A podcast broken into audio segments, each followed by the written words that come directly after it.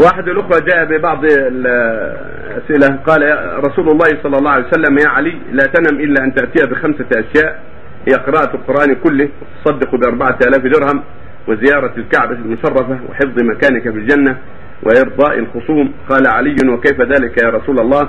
قال أما تعلم أنك إذا قرأت قل هو الله أحد ثلاث مرات فقد قرأت القرآن كله وإذا قرأت الفاتحة أربع مرات صدقت بأربعة آلاف درهم. وإذا قلت لا إله إلا الله وحده لا شريك له له الملك وله الحمد يحيي ويميت وعلى كل شيء قدير فقد زرت الكعبة. وإذا قلت لا حول ولا قوة إلا بالله عشر مرات حفظت مكانك في الجنة. وإذا قلت استغفر الله العظيم الذي لا إله إلا هو الحي القيوم وأتوب إليه مرات فقد أردت تصوم. ما صحة هذا الحديث؟ هذا باطل مكتوب على الرسول صلى الله عليه وسلم. أيوه. قد نبهنا على هذا غير مرة أيوه. مكتوب ولكن هذه الأذكار طيبة. الأذكار يقولها الإنسان طيبة آه. يذكر الله ويقرأ القرآن طيب. لكن هذا مكتوب على هذا الكلام هذا. لا يعول على الدخول نعم.